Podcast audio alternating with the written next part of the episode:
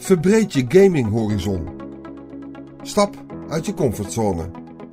Geschreven door Erik Nusselder voor Laatscherm.nl. Ingesproken door Arjan Lindeboom. Het klinkt misschien raar, maar de meest memorabele game-momenten haal ik de afgelopen tijd uit spellen waarvan ik niet eens had gedacht dat ik ze leuk zou vinden. Ik probeer steeds vaker uit mijn comfortzone te stappen en dat levert me een hoop plezier en kennis over mezelf op. Er zijn veel Erik Games uitgekomen de afgelopen jaren, de officiële benaming voor games die speciaal voor Erik lijken te zijn gemaakt. Geef me een nieuwe Persona of Final Fantasy, een verhalende game als Life is Strange of actieavonturen als Uncharted en Horizon en ik weet dat ik ze helemaal kapot ga spelen. Het is natuurlijk fijn dat er dingen uitkomen die ik leuk vind en een tijd heb ik eigenlijk alleen die games gespeeld. Maar het is wel erg makkelijk om alleen de spellen te spelen waarvan je toch al weet dat je ervan gaat genieten. Ik vermaakte me er ontzettend mee, maar ik werd ook nooit meer verrast en leerde nooit iets nieuws kennen.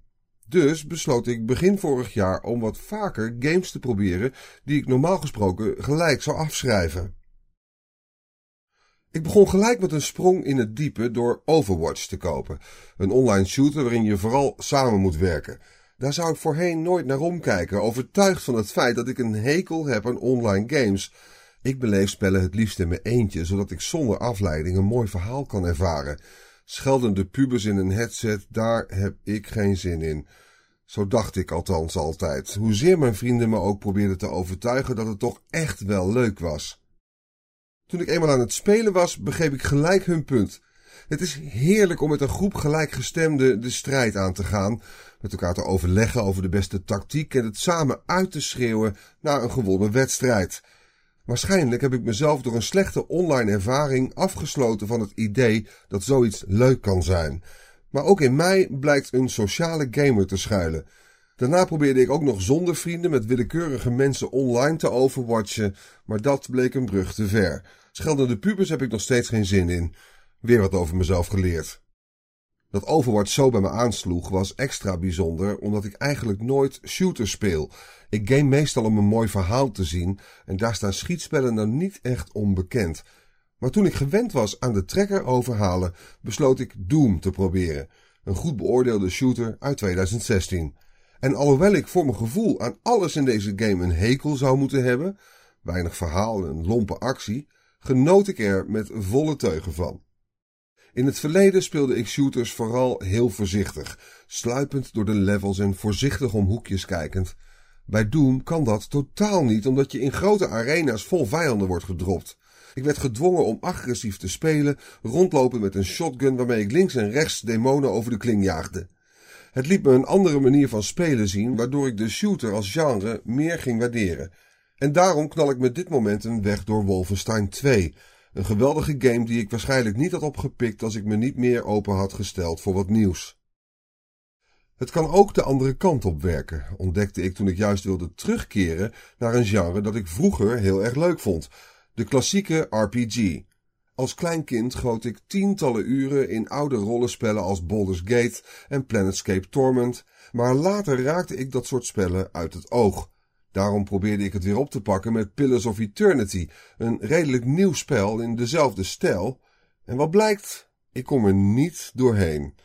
Dit soort games gaan redelijk langzaam, met veel ellenlange gesprekken met personages in de gamewereld en een hoop rondlopen en ontdekken. Ik denk dat ik daar vroeger gewoon wat meer tijd voor had.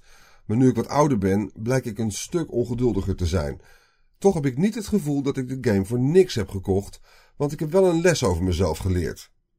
Er blijven natuurlijk altijd genres waar je niks mee kunt. Ik sta nog steeds niet te springen om fighters of race games, maar zelfs in dat soort genres kun je je laten verrassen als een game net iets heeft dat je op de een of andere manier aanspreekt.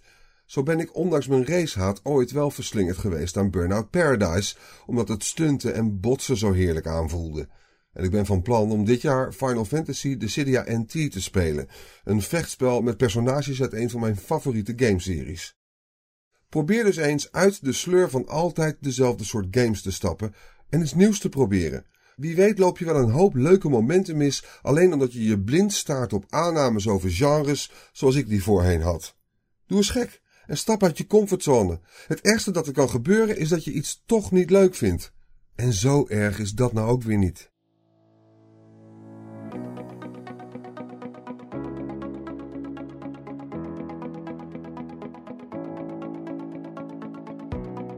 Dankjewel voor het luisteren naar Laatscherm voorgelezen.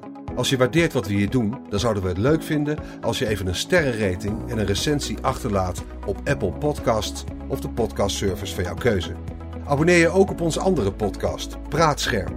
En ga voor deze en meer verhalen, geschreven of gesproken, naar laatscherm.nl.